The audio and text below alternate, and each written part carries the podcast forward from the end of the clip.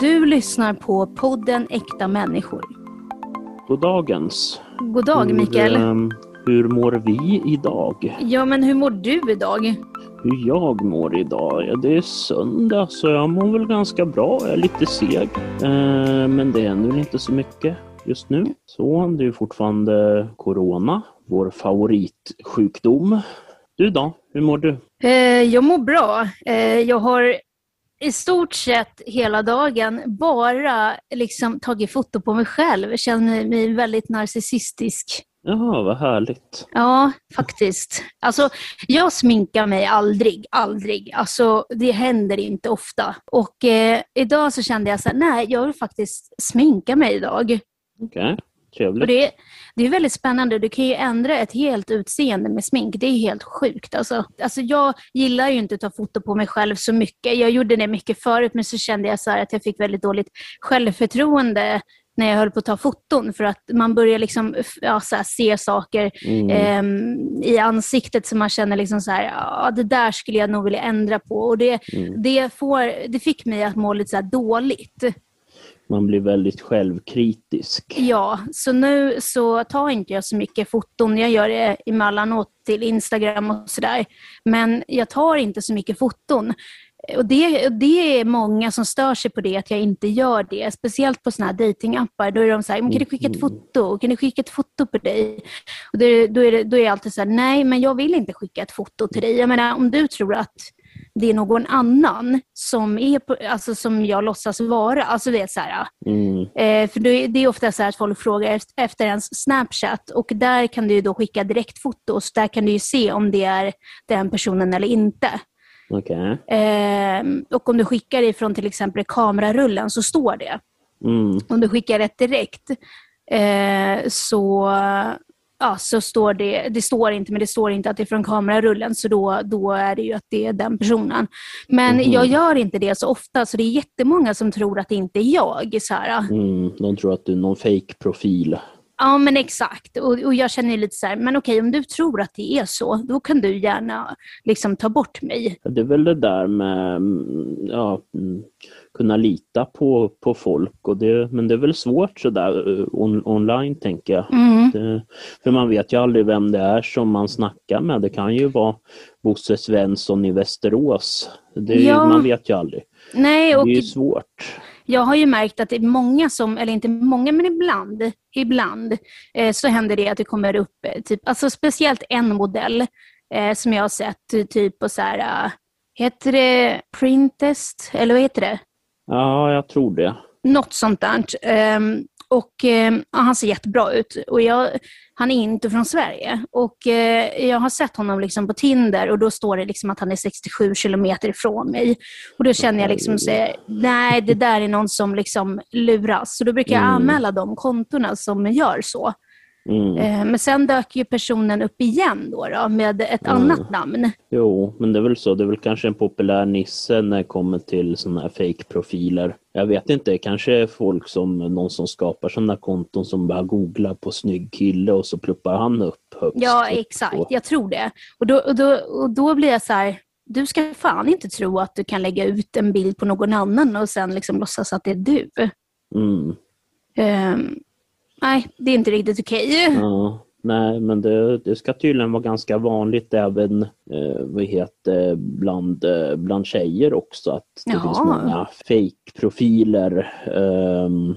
Vet du vad jag tror? Mm, nej, vadå? De här som är extremt snygga modeller, alltså både mm. killar och tjejer, de tror jag inte behöver använda Tinder. Nej, nej. Jag såg någon artikel någon gång där det var någon som intervjuade sådana personer och då var en som sa följande att jag aldrig haft en riktig jobbintervju utan vi har bara ett litet samtal och sen får jag jobbet direkt. Ja. Jag tänker om man är väldigt snygg då har man väl det ganska lätt här i livet. Ja, då behöver de inte gå in på Tinder liksom och hålla på. Så det, det är nog, alltså jävlar, alla snygga de är fake-profiler på Tinder, nu vet ni det. Mm, det är bra ja. att veta. Ja, i alla fall vad jag tror. Mm. Man ska inte lägga sina förväntningar för högt. Nej, ska man inte. Man får ta det man får.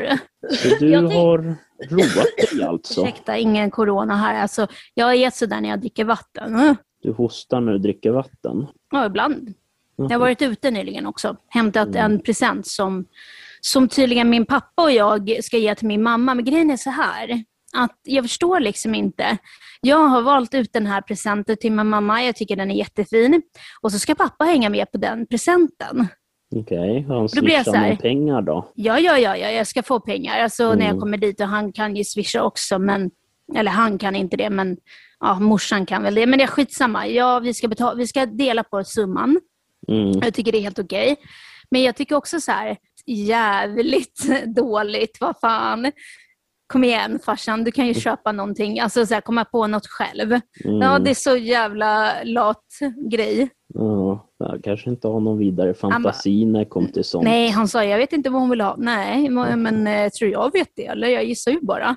Så typ, så han bara, men jag, jag, jag, jag, kan, jag kan ge dig pengar, jag är med dig. ja, ja, mm. okej, okay, vi kör då. Mm. Plus mm. att det är alltid så här, när man får presenter, speciellt när man var yngre och så där, så stod det alltid så här, från mamma och pappa. Mm. Men pappa var ju lika förvånad varje år över de här presenterna man fick, för att han hade ju aldrig varit med och valt ut dem. Ja, mm. men det är ju sådär, det där med så, presenter så. kan ju vara jävligt svårt ibland. Vissa människor är helt omöjliga. Min uh, kära mormor mm, är en äldre där. personer. Ja. Hon har allt. Hon har allt som mm, en människa vet. kan behöva. Och det hon inte har, det vill hon mm. inte ha. Det är sådär, man kan säkert precis. köpa en flådig dator men det vill ju inte hon ha för hon vet ju inte hur man använder en sån. Så, uh... Jag tänker typ att eh, till exempel, det var, jag tror det var Justin Biebers mamma som skrev typ så på nätet, ah, vad ska jag köpa till Justin Bieber i år? Och jag menar, han har ju alla pengar i världen. Han kan ju mm. köpa vad fan han vill. Så jag mm. förstår ju liksom hur svårt hon tycker det är.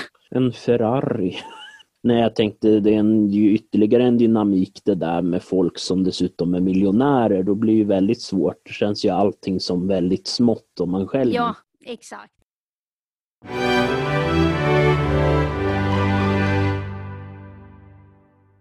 Um, ja, alltså grejen är så här. Va? Jag, jag brukar ju vara bra på att komma på så här, äh, teman och sånt. Men den här gången så har jag ju gett dig fria händer med att välja vad vi ska ta för teman. Vi har, vi och då har, har du, ämnen. Och då har du kommit, ja det är ämnen, men har du något tema då?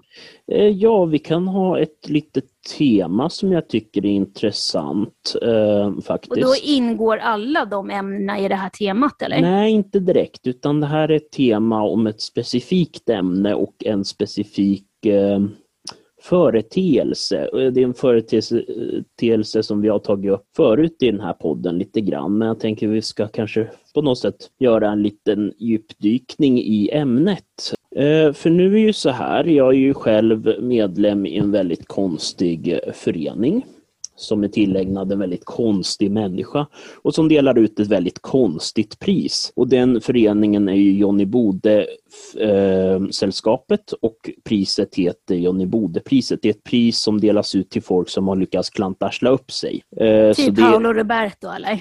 Det är det vi ska ta upp. Jaha, men vad eh, spännande. Det är ju så här att nu har de ju har tillkännagett vem, eller vad priset går till i år. Mm. Eller det gäller väl någon som har klantarslat upp sig förra året då. Och nu priset har gått till Beredskapsmuseet. Vad är det? Beredskapsmuseet är ett, um, det är det största privatägda museet tillägnat beredskapstiden.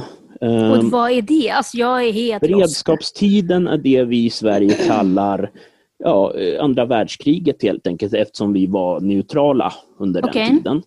Så vi var ju inte inblandade i kriget men det var ju ändå ganska eländigt. Det var ju ransonering och Finlandshjälpen och allt det. Och eh, Beredskapsmuseet är ett museum, det ligger i Sydsverige, Skåne tror jag. Och de har ju då fått rättigheterna till en känd svensk affisch, en svensk tiger. Mm -hmm. Och det är ju svensk den där, tiger? En svensk tiger. Du har säkert sett den. Om inget annat så har du nog sett den på, i eh, Karl-Bertils jul på julafton. Okay. Karl-Bertil har den affischen på väggen i sovrummet. Eh, det är en tiger som är gul och eh, blå, randig. Mm. Och så står texten svensk tiger och det är ju sån där mångfattad att det kan betyda en tiger men det kan också betyda tiger som att inte tala och det var en uppmaning att, att om man kände till hemligheter gällande till exempel militären och, och så att man inte skulle tala om det öppet till mm. folk eftersom spioner kan lyssna. Mm. Väggarna har öron så att säga. Men de äger rättigheterna till den och nu för, försvarar de upp, den upphovsrätten väldigt hårt. För det var en bok som kom ut förra året som hette, som hette just En svensk tiger som var eh, skriven av en komiker som heter Aron Flam. Mm. Och det var en bok då som handlade om just den svenska neutraliteten under kriget och då hade han gjort en parodi på den där kända affischen. Då han gjort hade han gjort tigern med en hakkorsbindel och att den heilar, alltså räcker upp ena tassen i någon form av Hitlerhälsning. Mm. Och då hade han blivit stämd av Beredskapsmuseet. De hade anmält honom för eh, upphovsrättsintrång och han hade fått boken beslagtagen och sådär. Nu hade ju en jury det bestämts i domstol att den bilden utgör eh, vad heter det, inte utgör eh, upphovsrättsintrång utan att det var, eh, räknas som en parodi och parodier är undantagna. Men det var som sagt, det, en, det var en sak och en annan var att eh, jag tror det var Malmös kommun som hade gjort en, en annan parodi på den kända affischen nu i när corona kom, mm -hmm. som var med en eh, tvättbjörn istället med texten en en svensk tvättbjörn eller liknande. Att de menar att man ska tvätta händerna. Mm -hmm. Och den hade, då hade de hot med att eh, stämma kommunen för det varav de okay. drar tillbaks den affischen. Men Beredskapsmuseet har ju fått det här priset just eh, på grund av deras eh, konstiga, alltså väldigt aggressiva upphovsrätts eh, Ja, att ja. de har, har, har hållit på och stämt folk helt enkelt ehm, och eh, har en väldigt restriktiv eh, politik gällande den symbolen. Det har också lett till att eh, nyhets eller humorprogrammet Svenska nyheter mm. tog upp ämnet och lanserade en tigergenerator på nätet. Helt enkelt mm. en sida där som automatiskt genererar. Vad betyder genererar? Skapar parodier på den här tigern med mm. olika symboler och olika Okej, okay, och den, den har liksom vunnit priset då? Den har vunnit priset och det priset består av ett par vita handskar och en summa pengar som... Eh, Hur mycket? Eh, I det här fallet så rör det sig om ja, 23 000 kronor avrundat. Mm, jävlar! Och de pengarna är ju inte pengar som den som får priset får utan det är pengar som Johnny Bode-sällskapet festar upp. så de får mm. Notan för deras, eh, nu var ju det här årsmötet digitalt över just um, Var du med på det? Jag var inte med på det dessvärre. Okay. Eh, men i alla fall så då var ju inte det någon krognota inblandat men medlemmarna uppmanades att helt enkelt samla kvitton på mat och dryck som avnjöts i samband med årsmötet. Ja. Helt enkelt. Och eh, det blev ju en ganska stor summa pengar. Mm. Mm. Eh, och så de vita handskarna är ju en eh, referens till en av eh, Johnny Bodes sånger. Mm. Ja, han är en artist. Ja, precis. Mm. kan ta en snabbis som honom. Han är ju mest känd för skivan Bordellmammans visor, vilket är ju en ja, något obscen Eh, skiva. Snuskiga texter om eh, bordeller och prostituerade med mera. Ganska trevlig, okay. trevlig Och det leder musik. in oss på nästa pris. Eh, nästa pris? Va? Ja, men du sa ju att Paolo Roberto är med. Ja, eh, nej, eh, det är ju det jag tänkte ta upp nu gällande uh -huh. Paolo Roberto. Jag tänkte väl bara nämna gällande Johnny Bode, en sak var ju att han det var inte den enda karriären han hade utan han var först lagerstjärna, sen skrev han operetter i Wien, men han lyckades alltid sabba sin egen karriär genom att göra dumma saker. Mm. Så att han helt enkelt eh, blev omöjlig och eh, blev pank och sen byggde han upp en ny karriär i något nytt ämne. Så han började som slagerstjärna, sen operetter och därefter porrskivor. Okej skrev väldigt, eh, och så skrev han en mängd böcker och annat. Men eh, det som jag tyckte, jag tycker ju egentligen att eh, priset kanske skulle ha gått till Paolo Roberto, men jag vet lite grann hur de tänker här i och med att de vill inte ge priset till någon som har begått ett brott. Mm. Har han det då? Jag tror inte att han blev fälld. Mm, ja, alltså han blev ju fälld, eh, han, han, blev ju fälld för eh, brott mot sexköpslagen. Ja, okay. Men inte för, eh, ja, vad var det andra, var väl de ah. menade när han gick ut i media där på TV4 och, och snackade om att, han, om att hon som han hade varit med, i, ja, kanske inte var här i Sverige frivilligt och så vidare. Men det var hon? Det vet man inte, men man hade ju inte kunnat nå henne. Det var väl Nej, det som okay. var problemet mm. framförallt.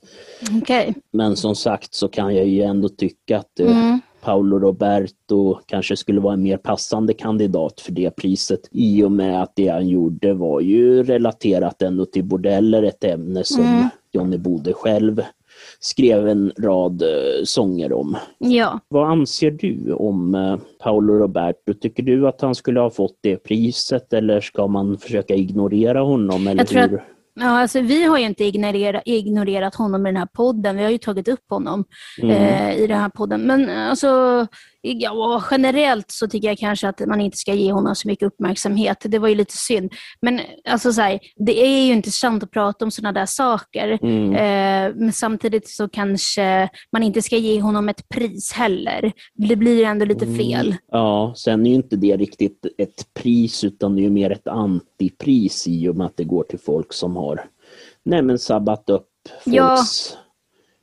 Jo, jag vet, men du fattar vad jag menar. Ja, lite. precis. Ja, men ja. visst, det är ju Ändå lite rolig grej dock, ja. om det skulle ha gått till honom. Du lyssnar på podden Äkta människor. Grejer med vaccin och så, ska vi gå in på det? Eh, absolut, absolut. Det, det är ett spännande ämne. Det är ett jävligt spännande ämne. Nu har ju eh, ytterligare ett vaccin blivit godkänt, eh, AstraZenecas vaccin. Mm, jag vet. Det är dock mm. skyddar till, vad är det, 60 60 procent. 60 procent, 65, jag har hört 75. Det är lite olika vad folk mm. säger. Men eh, i alla fall, alltså, hade de då tänkt att ge det till de som inte är i riskgrupp då, eller? Ja, det är väl det som är frågan. Alltså, de, hittills har vi haft de där faserna. Vi har ju mm. genomgått nu fas 1 och den pågår ju fortfarande och det är äldreboenden och mm. personal inom äldrevården. Men sen så är ju fas 2, den säger ju de att, att den tekniskt sett har börjat. Okej, okay. och vilka ingår där? Och där är ju andra riskgrupper och gamlingar, alltså folk som är över pensionsåldern mm. men som inte nödvändigtvis bor på eh, äldreboende. Okay. Samt folk som är riskgrupp. Um, exakt vad riskgrupp är, är väl, varierar väl från fall till fall antar jag. Uh, och sen det är, är ju... det även LSS-boenden. Exakt, och där ingår ju jag. Mm. Och jag känner ju lite så här jag är jätteglad att jag får ta vaccinet. Alltså det är ju så otroligt många som inte vill göra det och, och jag förstår dem också. Eh, vi alla tänker olika när det gäller det och eh, det är ju ett fritt eh, land, så man får ju bestämma själv om man vill ta det eller inte. Jag skulle dock säga så att jag skulle rekommendera folk att ta det, så att vi kan försöka bli av med det här viruset, va? så att vi kan börja mm. leva på som vanligt. Ehm, jag känner lite så att jag ingår egentligen inte i någon riskgrupp. Eh, eftersom jag inte har extremt, alltså jag har inga underliggande sjukdomar, jag har astma, jag tror inte att det ingår där, beroende mm, kanske på vad man har för, för, för um, grad av det. Ja, mm. exakt. Mm. Men, men jag tror inte att jag ingår egentligen i riskgrupp, men i och med att jag bor på ett LSS-boende, servicebostad, så blir det ju så att jag, att jag ingår där då, eftersom jag tror att det är så här, att folk till exempel som bor så här, Kanske, mm. hade, ja, kanske inte Downs syndrom, men, men LSS-boende överhuvudtaget så är det ju många som kanske inte förstår då, eh, riktlinjerna och så vidare och då blir det ju en mm. risk i sig. Och, eh, nej men jag tror att de kör alla över en kant där. Och eh, jag tycker ändå att det är ganska schysst, så här, men ändå inte. För jag skulle känna mig väldigt, eh, hur ska jag säga det? Jag, jag skulle känna mig ganska dum om jag gick före någon som verkligen är i riskgrupp. Alltså om jag får ta före till exempel mm. då min pappa som verkligen är i i riskgrupp. Liksom. Eh, ja. Så det skulle inte kännas bra liksom, för mitt samvete. Men eh, vad ska man göra? Det är ju som det är. Mm, precis, det, det, det, är väl så där. De, eh, de, de kontaktar ju de som räknas som eh, ja, de grupperna mm. som ska få vaccinet. Precis. Jag har ju skrivit på ett papper mm. eh, och fyllt i alla de här grejerna som man ska fylla i. Mm. Eh, och eh, grejen är så här att vaccinet är ju lite försenat Mm. Eh, till många olika vårdcentraler och så vidare. Så att det, det, är väldigt, det går ju väldigt trögt. Så det enda jag inväntar nu är att få ta vaccinet eh, och eh, vi får se helt enkelt när de skickar att man får komma. Mm, precis. Nej men det känns bra. Det känns mm. väl bra. Det känns lite läskigt tycker jag också faktiskt. Jag ska inte sticka under stolen med att det känns läskigt, för det gör det. Mm, men, det, men det är väl sådär med, det är ju ett helt nytt vaccin och sådär och nu, de säger ju att biverkningarna inte ska vara så allvarliga men det är väl ändå en viss nervositet man har Absolut. hur man kommer reagera på det och Ja, och jag som är så jävla hypokondrisk, jag kommer ju liksom, åh fan nu har jag feber och nu har jag det här och nu har jag det här. Alltså det kommer ju bli väldigt jobbigt ett tag för mig också så jag tänker så här, boendestödet, de kommer få det jävligt jobbigt ett tag. Alltså mm. i alla fall vissa. Jag, jag, jag, jag eh, väljer mina offer, så att säga. Vilka, vilka, vilka jag har eh, bäst kontakt med, de får ju ta mest skiten. Några. Mm. Och det är helt okej okay, tycker jag. Mm. Jo, jo, men du kommer nog överleva och det blir nog skönt sen när man när du väl har tagit de båda doserna och kan känna ja. att du har en viss immunitet mot viruset. När man har gjort det här, när man tagit de här två sprutorna, mm. eh, så sa mamma att hon skulle fortsätta att hålla avstånd och mm. fortfarande mm. ha eh, munskydd på, så här, i kollektivtrafik och så vidare. Mm. Eh, för att eh, liksom skydda de som inte har tagit det. Eh, en tid framöver. Liksom. Eh, jag vet inte om hon kommer göra en tid framöver, men hon sa bara att hon mm. skulle fortsätta med det. Jag tänker så här, när jag har tagit de här två, två sprutorna, kommer nog fortsätta att följa de här eh, restriktionerna som har getts ut. Jag tänker inte fortsätta att tvätta mina händer extremt så, jag, så det börjar klia som det gör nu och så vidare. Mm. Jag kommer inte fortsätta på det sättet i ett år. Och jag kan inte tänka på de som inte har tagit vaccinet i all evighet. Någon form av rimlighet måste ju vara ja. i det där, vad som är rimligt. Eh, gällande det och även när det kom till eh, vaccinet och sådär. De som när tillgången väldigt... på vaccin ser bra ut då, då känns det ju kanske lite orimligt att inte ta det tänker jag. Det är ju en väldigt het debatt. Mm må jag ju säga. Man märker det. De som inte vill ta vaccinet, de vill inte prata om det. Och Då mm. blir det så här, man bara, ska du ta vaccinet? Nej, jag vill inte prata om det. Nej, men då vet jag, då kommer inte du ta det men fan kom igen. Jag, eh, jag, man fattar ju liksom, så här, de som inte vill prata om det, det är de som inte vill ta det. det. Det är väl så med vaccinet att de biverkningarna som man har är ju mindre än biverkningarna av att få coronaviruset. Den att man behöver bli inlagd i någon respirator och ligga där i Gud vet hur jävla länge. Och sen också tänker jag, ja men precis, och gud, jag läste faktiskt på nätet, att alltså, jag, så jag, följer, jag, tror, jag vet inte om det är P3 Nyheter eller om det är liksom, jag kommer inte ihåg vad det mm. var, eh, men det var i alla fall någon sån här uh, nyhetskanal och så har de en, ett konto då på Instagram. Och då var det typ en man som har legat bokstavligen i koma i typ så här tio månader, om inte mer, jag kommer inte ihåg, men ungefär 10-11 mm. månader. Och han har vaknat nu och han mm. vet absolut ingenting om covid-19, corona överhuvudtaget. Förstå mm. att mm. vakna upp efter flera månader och hela jävla världen är inte sig lik alls. Alltså förstår du? Mm. Ja, nej men det måste ju vara jävligt sjukt. Eh, jag hörde nu när eh, pandemin började om att eh, det var en ubåt som var ute på övning. Jag tror det var en fransk ubåt. Och när ubåtar är alltså en atomubåt, de kan ju vara under vatten, under vattnet i ja, alltså flera månader. Ja, ja, ja. Det här tror jag skulle vara ett halvår eller något sånt där under vattnet. Och då kan de inte kommunicera heller med eh, ytan. Nej, egentligen. nej, nej. Eh, så då sitter de ju där nere ja. på havets djup och, och lever. Och, så du menar att det var ungefär samma sak? Ja, när de kommer upp så där då blir det ju det en chock. Bara, oh, vad, vad är det som händer här ungefär? Ja men såklart, men ändå. Jag tänker, de har ändå varit medvetande på ett sätt men ändå inte de har liksom varit under vattenytan och så vidare. Så jag, mm. Men jag tänker ändå så här, en person som har legat i koma, dock vet jag dock inte om man, när man kommer tillbaka ifrån en koma, eh, om man är, liksom, är sig själv då. Alltså det är klart att man är sig själv, man är, förstår vad jag menar? Mm. Är det säkert att man är som man var innan, innan man hamnade i koma? Ja, nej, jag antar väl det. Sen är ju personer är som är i koma kan ju också ta in information också, alltså till exempel personer som talar med den. De eh, kan ju höra. Oh, men sluta vad läskigt, jag vill inte hamna det. i koma. Ja, det vill väl ingen. Åh, vad läskigt. Det där är jätteläskigt då. Ja, men verkligen, förstår, men förstå människan då, vad fan. Mm. Till exempel de tänker så här, Åh, tänk om den personen aldrig vaknar, men så säger de det högt och så hör den det. Och så blir det så här, så bara vill ju den kanske personen säga, men jag hör er, men så kan den inte det. Alltså förstår du? Mm. Vilken jävla panik alltså. Mm.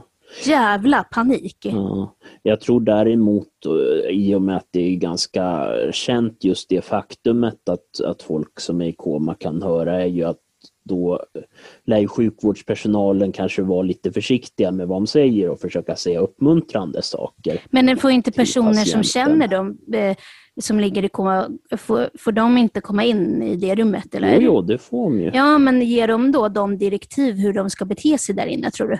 De, jag tror, jag tror, eh, och nu kommer ju det här enbart från olika läkarserier och sånt man, jag har sett mm. på dumburkar, men jag tror de flesta att läkare och sjuksystrar kanske säger att det är bra om ni talar med, med, med honom eller henne, men, men, men försök hålla er lugna och, och säg positiva oh, saker. Ja, precis, för grejen är så här när du säger om, och... Mikael, Mm. När, du, när de säger så här, alltså på serier kan jag tänka mig att då är det så här, ah, du kan få hälsa på här och så är det typ kanske någon släkting som verkligen inte gillar den och så går mm. den in och bara säger massor med hemska grejer till den. Och för fan, jag kan tänka mig en sån här hemsk serie som är sådär, mm. usch. Du lyssnar på podden Äkta människor.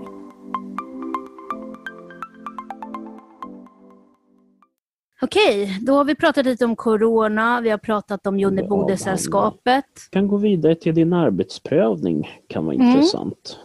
Och visst är det. Mm. Eh, jag har ju möte nu eh, imorgon faktiskt eh, med Försäkringskassan, Arbetsförmedlingen oh, och lite inblandade människor. Okay. Det var ju så att jag var hos, eh, eller jag var hos psykiatrin för någon mm. vecka sedan. Och då så trodde jag att jag skulle få ett intyg som skulle då stärka att ja, men jag orkar inte jobba efter you know, visst antal timmar. Men då ville den här psykiatriken liksom att vi skulle ha mötet och sen skulle hon ge det här intyget och det känns lite sådär faktiskt. Det kändes lite konstigt. Ja, det låter ju lite underligt mm. faktiskt. Mm. Nej, men de är jävligt på mig att jag liksom ska utöka mm. arbetsprövningen och sådär. Eh, det är så jävla mycket information som de skickar till mig via mail och så vidare. Jag blir mm. så här, kom igen, alltså på riktigt. Jag har liksom en funktionsnedsättning, ADHD och sen den här intellektuella funktionsnedsättningen. Mm. Eh, sluta hålla på och ge mig för mycket information för jag, typ, jag kan inte ta in allt det här. Nej, och jag, tr jag tror även om man inte har någon funktionsnedsättning så kan det ju även då vara väldigt jobbigt med så mycket information samtidigt om, om alla möjliga, jag vet inte, program och skit de mm. har.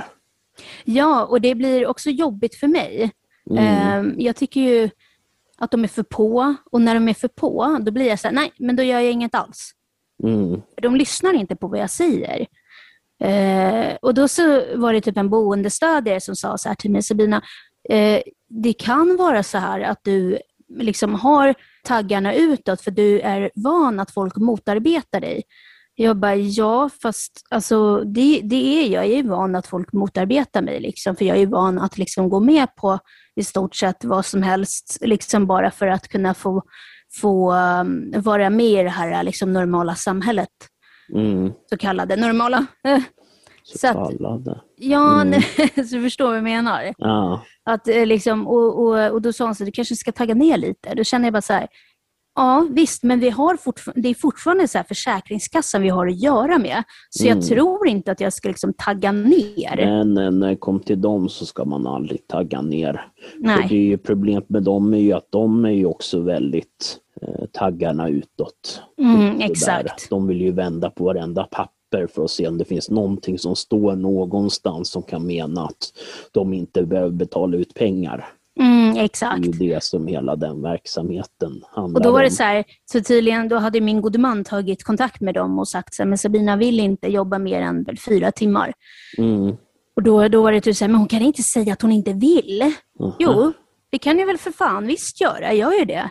Mm. Ja, nej, men då låter det bättre om jag typ säger så här, eh, ja, eh, jag känner att jag inte orkar. Mm. Och jag har ju sagt det, men när de inte lyssnar på att jag sagt att jag inte orkar, då till mm. slut säger jag att jag inte vill.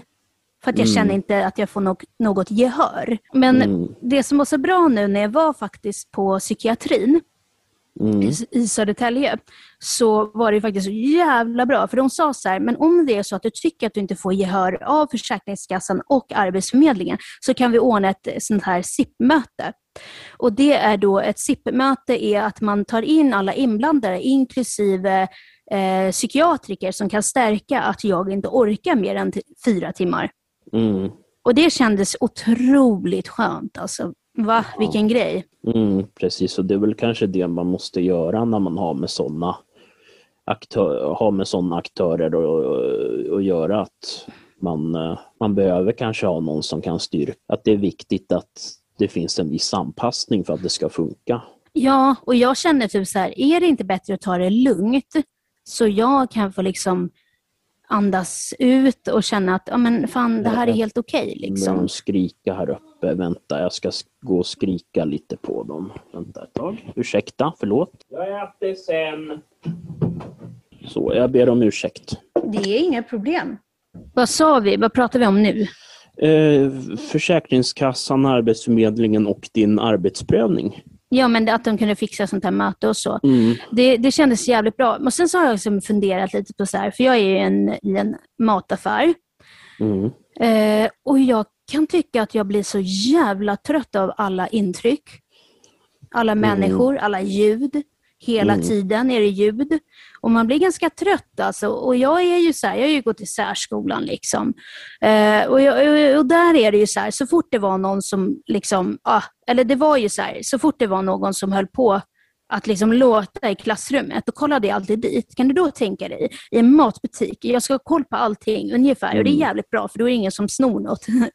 Men det är ju otroligt jobbigt och det är därför jag blir otroligt trött när jag kommer hem. Så jag mm. funderar lite på om jag kanske ska byta inriktning.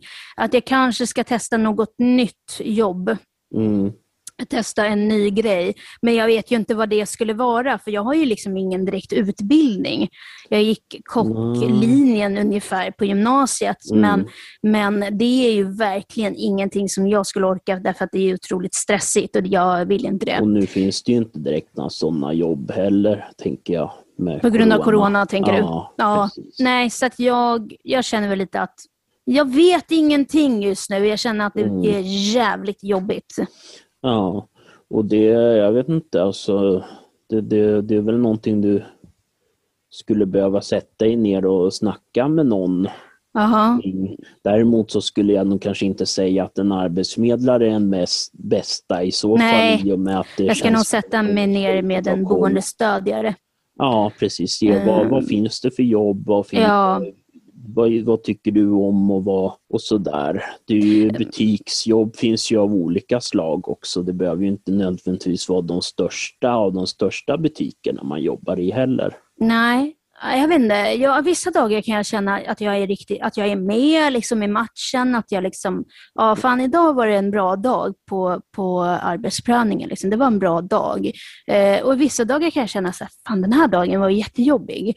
Uh, så det där går verkligen, det pendlar ju verkligen eh, från dag till dag hur, hur, uh, hur det går. Men jag tror att det också beror på hur mycket jag har i mitt privatliv också som mm. gör att jag kanske inte orkar lika mycket på, på jobbet. Jo, precis. Det är ju sådär. Man, det är ju sånt man bär med sig hela tiden. Ibland tar man ju problem från jobbet hem och ibland tar man problem från hemmet till jobbet. Ja, precis. Man får nästan försöka att separera de där två för det blir, mm. det blir ju väldigt väldigt, väldigt, väldigt jobbigt annars. Och sen kan det ju vara så om man jobbar väldigt mycket och intensivt, då kan det ju bli att man även börjar drömma om jobbet och det är mm, det värsta. Exakt, ja då har det gått för långt. Jobbpass i Hur går det förresten för dig för, med jobb och så?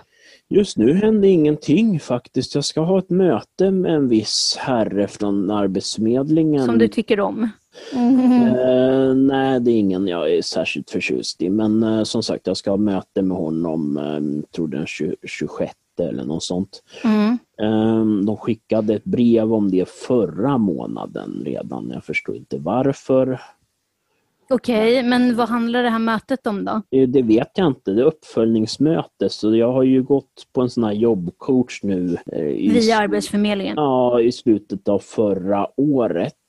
Mm. Um, tror från hösten någon gång fram till december. Och så, det var ju precis som man kan, ja, som man tänker sig en jobbcoach nu i coronatid. De skickar frågor, man svarar på dem via mail. De ringer någon gång ibland och frågar hur går det och man säger ungefär samma sak. Ja, det går inte så mycket alls nu i och med corona. Mikael, ja. du skulle ju vilja jobba. Så är det någon som har ett jobb till Mikael och som lyssnar på den här podden så kan ni väl slänga iväg ett eh, DM, eller vad fan heter det, på Instagram till oss. Vi heter Äkta människor, eller Akta män, människor. Mm. Eh, 2020 på Instagram. Så ni kan ju slänga iväg ett där om ni vill. Mm. Du, vad söker du Mikael? Visst, visst. Lite mer vaktmästeri och sånt. Eh. Ja, eller kanske Någonting eh, med elektronik? Ja, jag söker även jobb som fotograf. Ja. För den delen, för det är något mm. jag ägnar mig åt nu på frilansbasis. Men... Det är kul med foto. Det är någonting som jag vill börja ta upp igen. Det var mm. en väldigt intensiv period vi hade Mikael när vi gick runt och fotograferade bland annat i Gamla stan och så. Kommer du ihåg ja, den tiden? Det, just det, ja, men det kommer jag ihåg. Nej, jag var väldigt fascinerad över hur en kamera fungerar och så. Mm. Eh, jag skulle vilja börja med det igen faktiskt. Ja, vi får ta och göra det sen när pandemin börjar ebba ut. Jo, du har ju en systemkamera också för ja. den delen. Mm.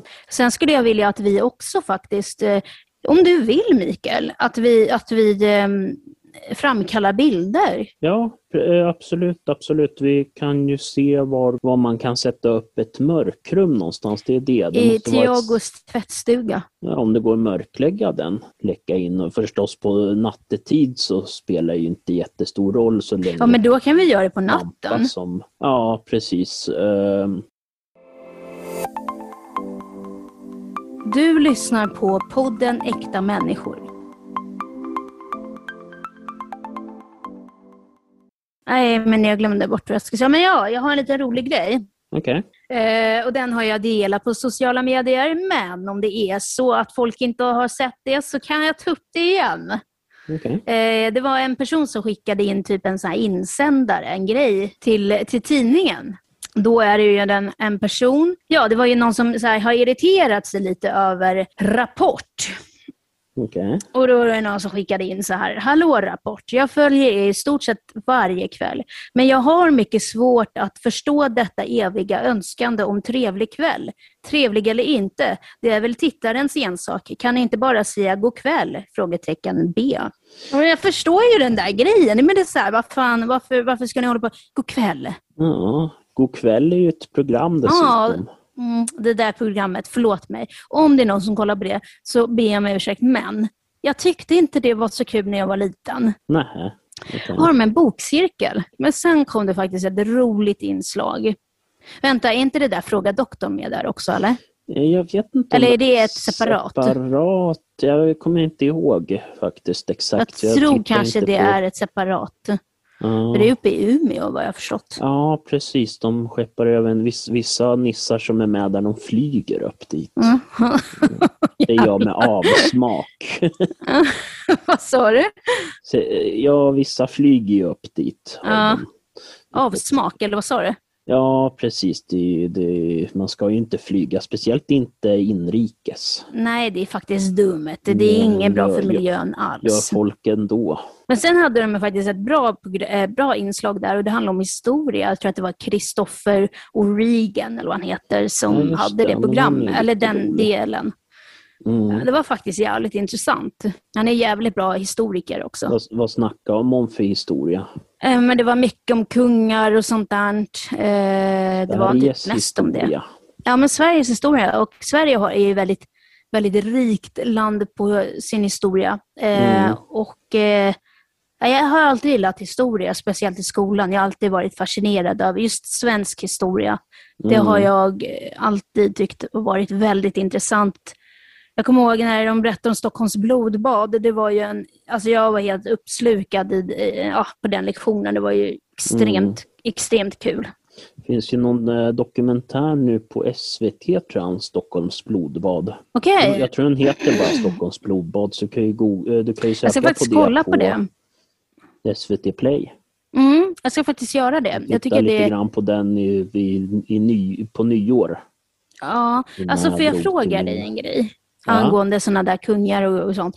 Eh, det är ju någon, någon kung som är begravd i någon eh, kyrka och det var att de besökte den kyrka, eller den graven för inte så länge sedan. De gick ner där. Ja, det är ju många kungar som är begravda i kyrkor. Det Men det var en så... väldigt speciell eh, grav.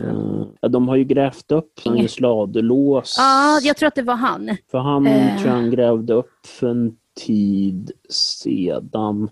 De gjorde i alla fall någon DNA-analys tror jag. Ja, och vad kom fram där då? Ja, jag kommer inte ihåg någon, men de gjorde också en rekonstruktion av hans ansikte. Aha, vad betyder intressant. det? Vad man gör då är att man gör en avgjutning av eh, skallen. Mm. Och en avgjutning i plast då. och sen så lägger man ju lera på där och modellerar efter hur eh, muskelfästena ser ut på, på skallen då. Mm. Och lägger på lager på lager till slut så får man ju fram näsa och kinder och mun och allt sånt där. Och så. så det är ju en metod Men... de använder för att rekonstruera folks utseende. Varför ska de göra det då? För att de vill se hur han ser ut, såg ut mm. när han levde. Mm. Men det är ju så här med gravfriden och så att man får mm. egentligen inte gå ner där. Ja, det kräver väl tillstånd, det är väl det. Så är ju att eh, gravar i Sverige är ju tidsbestämda, alltså de får, får ju vara en viss tid innan man gräver upp dem och lägger någon annan där. Mm, mm. Det är ju så. Det är hundra år eller något sånt där? Eller? Ja, 100-200 år. Jag tror det är att man helt enkelt hyr på något vänster graven från kyrkan. Aha. Någon form av system och vissa är, är på Vissa gravar är på obestämd tid, det vill säga att de, eh, ja, man hyr dem för evigt. Mm. Är tanken. Sen händer att de gräver upp dem ändå. ja, just det. år. Men, Men vad fan angående det där, nu är det ju folk som håller på och välter gravstenar. Alltså jag fattar mm. inte vad grejen är. Varför, varför tycker man ens att det är kul att välta gravstenar? För det första, så är det jävligt respektlöst. Och det är någonting som, alltså så här, döden, you don't mess with, med döden. Alltså du håller inte på och, och jävlas med döden, för det, alltså jag hade aldrig vågat det. Alltså man gör inte det. Alltså det mm. För mig är det så heligt på något sätt. Alltså du mm. vet, så här, du, det är inte okej för fem öre liksom, mm. att gå och välta gravstenar. Alltså, ja, har de ingen respekt? Det är ju väldigt respektlöst. Absolut, Absolut. det håller jag med om. Man, man, ska, man ska ju på något sätt eh, respektera de döda hur, ja. Eh, och all form av hantering av dem också ska Absolut. ske på ett respektfullt sätt. Och så, så då mm. är ju... Ja, och jag får rysningar i hela kroppen. Alltså. Ägnar sig åt vandalism på en kyrkogård, mm. det känns ju jävligt men, men eh, som jag brukar mm. tänka, ja, det man gör mot andra det kommer komma tillbaka på en. Så att jag menar... Mm. Karma. Karma. Tror du på det? Mm. Jag vet inte, till viss del ibland, men sen så hör man ju om, om riktiga arselhål som ändå har det skitbra. Ja. Chefer som lyckas klantarsla upp sig och ändå få fallskärm på flera miljoner och man tänker bara, vad fan. Då, blir man, då, då, då tappar man lite grann eh, tron på mänskligheten. Ja. Fan, jag har mycket slem i halsen. Är det corona? Nej men det är så här, när jag är ute i astma då blir det så här slembildning i Får ta lite astmamedicin. Den där, andning, mm. den där eh, inhalatorn. inhalatorn. Den är bra. Den det är en diskus om ni undrar. Diskus. Modellen är en diskus. Diskus, inte en diskus som där som man kastar. Ja, just det. Men det är en sån. Nej, men den, ja, det kanske ska vara liknande. Nej, men det är en sån här rund, så som Hubba Bubbas eh, tuggummi, du vet. Ja, men jag tror jag har sett den någon gång. Ja, just det. Jag har den blågröna. Den När jag var liten hade jag blågrön och orange. Sen finns ju olika färger alltså. Ja, Väljer man på. färg själv eller Nej, väljer man den? Det är inte sådär att ja, här får du en färg för att det ska vara trevligt och så. Utan det är för de, de, de hjälper för olika saker. Jaha, det är olika ämnen i den ja, alltså? exakt. Okej, okay, jag förstår. Jag mm. förstår. Ja, döden. Döden, usch. Vad, vad, vad, tror du händer när man dör? Ja du Mikael, eh, det är ju någonting som man är lite rädd för, men egentligen har jag hört att det är, att det är mycket bara vi här i, i, ehm, i Norden som, som liksom inte pratar så mycket om det och så. Eh, och då blir det mm. ju lite så här, läskigt för att man inte pratar så. Alltså allt som man inte pratar om det blir ju mer läskigt. Ja. Liksom. Jag tror det är viktigt att man faktiskt talar om döden och försöker mm. förhålla sig till den. För det är ju alltså, hela livet, livet. Ja, alltså hela livet är ju skumt. Alltså, allting, mm. alltså man börjar fundera för mycket på det där. Alltså, livet, döden, vad händer sen? Det är ju så stort. Det är som att tänka på universum och vad är det liksom? Mm. Eh, det blir liksom nästan för stort för lilla hjärnan att eh, ja, ta mm. in. Jo, men det är ju så, livet är ju en väldigt underlig historia egentligen. Man, man föds och sen vandrar man här på jorden ända tills man går och dör. Och ändå är inte det så lång tid man är här i tanke på mm. hur länge man ska vara död sen. Och fan, jag vill inte tänka på det där. Du vill inte tänka på döden men ändå vill du tänka på den. Ja, men man gör ju det emellanåt de där ja. nätterna när man inte kan sova. Mm. Alltså det sjukaste är, Mikael, när man inte kan sova, det är då de konstigaste grejerna händer. Mm. Då kollar man på sjuka videos på Youtube. Mm. Eh, man kollar på kläder som man normalt sett aldrig skulle ens lägga in i sin önskelista. Och, och du googlar saker som du normalt sett aldrig skulle googla på en dag. Alltså okay. på dagtid. Som vad då till exempel? Ja ah, men vad fan, jag goog... ja, men, eh, ja, men det... jag vet inte, men det var någonting jag googlade på natten. Om döden? Eh, nej, inte om döden, men sådana orostankar som jag har, du vet. Mm, mm.